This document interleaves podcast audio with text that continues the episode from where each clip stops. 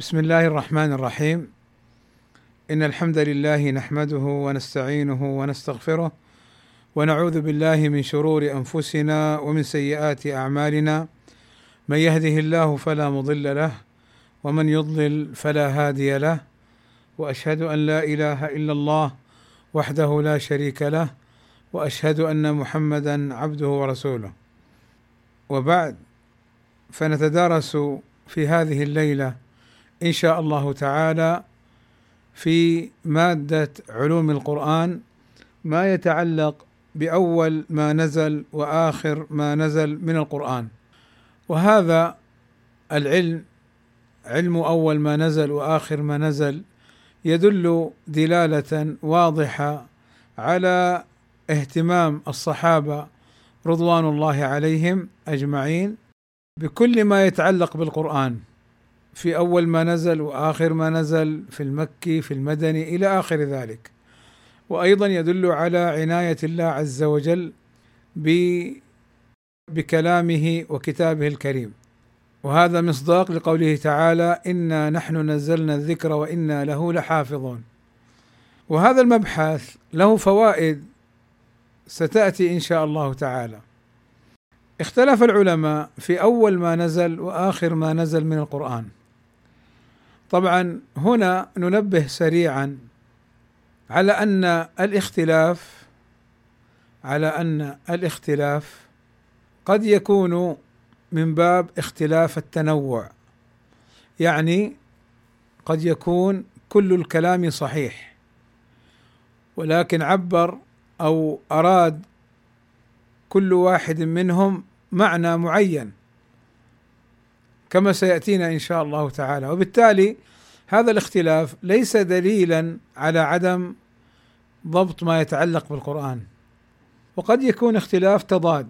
الاختلاف التضاد الذي لا يجتمعان في محل واحد إما هذا وإما هذا. بخلاف التنوع يصح. بخلاف اختلاف التنوع يصح. ومن المهم في هذا المبحث وفي غيره من مباحث العلم إدراك العالم والمتعلم وطالب العلم معنى مهم. ما هو هذا المعنى الذي يدركه؟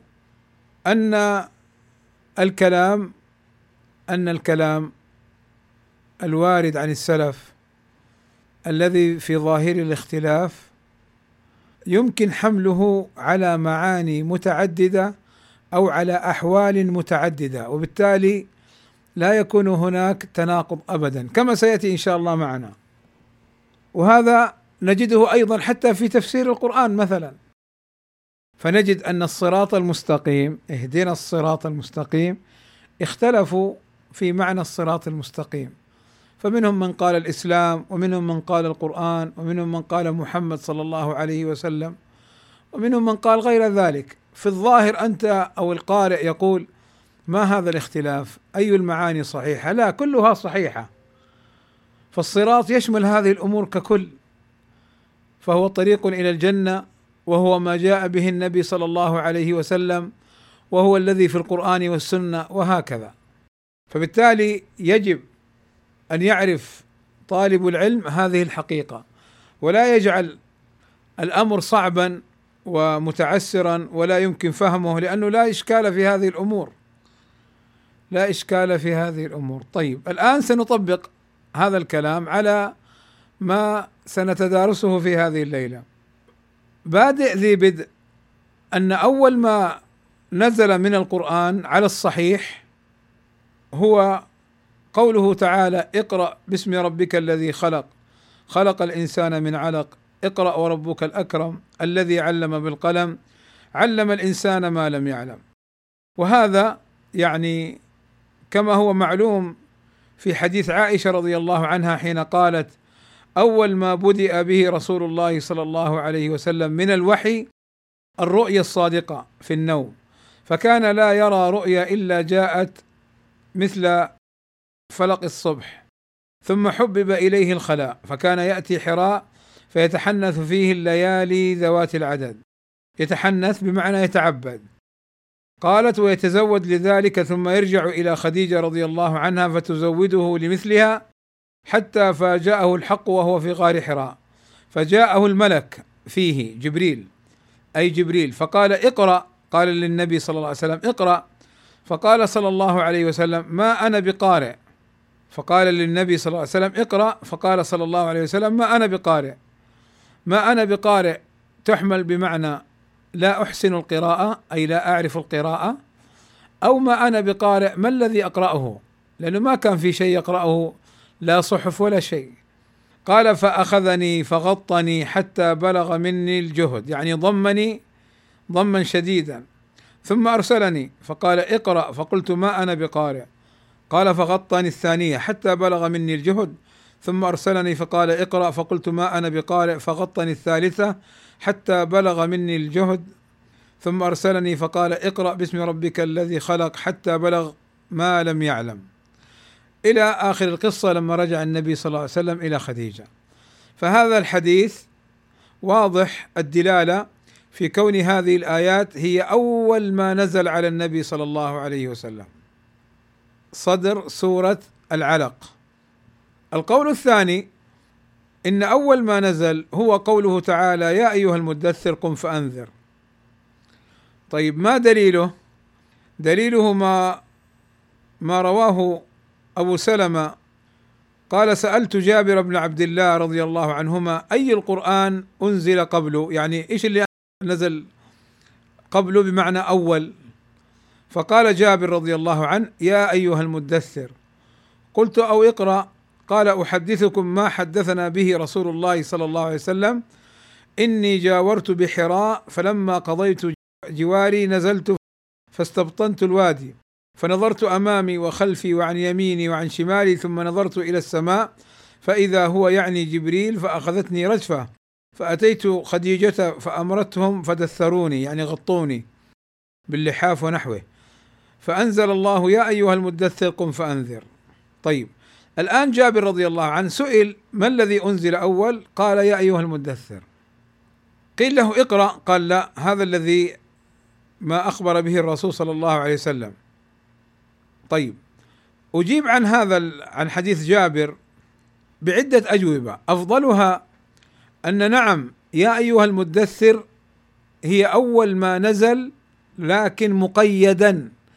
لما انقطع الوحي وفتر يعني تأخر نزوله أبطأ فكان أول ما نزل بعد تأخر نزول الوحي سورة اقرأ فليست أولية مطلقة.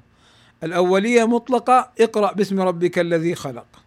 جواب آخر قالوا أول سورة اكتملت ونزلت بكاملها سورة سورة يا أيها المدثر لأن سورة العلق لم تنزل كاملة إنما نزلت الخمس الآيات الأولى. مما يدل على أن مراد جابر أول ما نزل أو أن ما جاء في الحديث المراد به أول ما نزل بعد انقطاع الوحي ما جاء أيضا عن أبي سلمة عن جابر رضي الله عنه قال سمعت رسول الله صلى الله عليه وسلم وهو يحدث عن فترة الوحي فقال في حديثه. فترة الوحي أي تأخره وبطئه. وانقطاعه مدة من الزمن. ثم ذكر أنه رأى جبريل وأنزل عليه يا أيها المدثر. لأن أيضا في الرواية نفسها يقول الرسول صلى الله عليه وسلم فرفعت رأسي فإذا الملك الذي جاءني بحراء. اذا جاءه من قبل ومن قبل نزل عليه بإقرأ. فاذا الآن السؤال يطرح. رواية عائشة اقرأ باسم ربك الذي خلق. ورواية جابر يا أيها المدثر نحن نقول كلاهما صحيح. ولكن اقرأ أول ما نزل من القرآن على الإطلاق. ويا أيها المدثر أول ما نزل من القرآن بعد انقطاع الوحي. وهذا واضح جدا. طيب وقيل إن أول ما نزل سورة الفاتحة. قال بعض أهل العلم جوابا عن ذلك قال لعل المراد أول ما نزل كاملا. سورة كاملة. وقيل أول ما نزل بسم الله الرحمن الرحيم. لكن الأحاديث الواردة في ذلك ضعيفة. وقيل أول ما نزل غير ما سبق. وقيل أول ما نزل غير ما سبق. أو خلينا نقول الآن آه، توجيه لبعض العلماء في أولية اقرأ وأولية المدثر. فقالوا أول ما نزل مما يتعلق أول ما نزل مما يتعلق بالرسالة والنذارة هي قوله يا أيها المدثر قم فأنذر وأول ما نزل في النبوة أنه نبي قوله تعالى اقرأ باسم ربك الذي خلق اذا الخلاصة من هذا أن أول ما نزل من القرآن على الإطلاق اقرأ باسم ربك الذي خلق. وأول ما نزل من القرآن بعد انقطاع الوحي يا أيها المدثر قم فأنذر. وإقرأ فيها إثبات نبوة النبي صلى الله عليه وسلم فهي أول ما نزل بالنبوة. ويا أيها المدثر فيها إثبات الرسالة للنبي فهي أول ما نزل على النبي صلى الله عليه وسلم مما يتعلق بالرسالة والنذارة. قم فأنذر. طيب. آخر ما نزل من القرآن. اختلف العلماء أيضا في آخر ما نزل من القرآن. فقيل آية الربا. لما في البخاري عن ابن عباس رضي الله عنهما قال آخر آية نزلت آية الربا وهي قوله تعالى يا أيها الذين آمنوا اتقوا الله وذروا ما بقي من الربا. وقال بعض أهل العلم قول آخر إن آخر ما نزل من القرآن قوله واتقوا يوما ترجعون فيه إلى الله كما جاء عن ابن عباس أنه قال آخر شيء نزل من القرآن واتقوا يوما ترجعون فيه إلى الله وقيل آخر ما نزل آية الدين وهذا جاء عن سعيد بن المسيب أنه بلغه أن أحدث القرآن عهدا بالعرش آية الدين. أحدث القرآن عهدا بالعرش يعني آخر شيء نزل. قال آية الدين والمراد بها قوله تعالى يا أيها الذين آمنوا إذا تداينتم بدين إلى أجل مسمى فاكتبوه. الآية بطولها. طيب الآن كم رواية عندنا؟ ثلاث روايات وثلاثة أقوال. القول الأول آية الربا آخر ما نزل. القول الثاني قوله تعالى واتقوا يوما ترجعون فيه إلى الله هي آخر ما نزل. والقول الثالث آية الدين هي آخر ما نزل. لو لاحظنا أن هذه الآيات الثلاث هي في سورة البقرة وهي مرتبة آية الربا ثم واتقوا يوما ثم آية الدين. فعلى هذا كل الأقوال صحيحة ولكن بعضهم أخبر بآية والآخر بآية أخرى والثالث بآية ثالثة لأن الآيات الثلاث نزلت مع بعضها في قصة واحدة.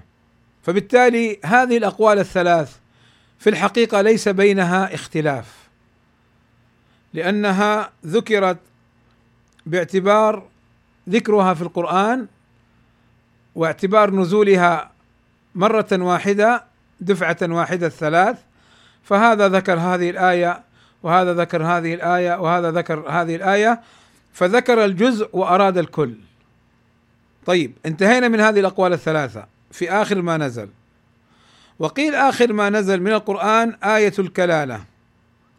لما في الصحيحين عن البراء بن عازب رضي الله عنه قال آخر آية نزلت يستفتونك قل الله يفتيكم في الكلالة. الآية. طيب الآن هذا حديث صحيح.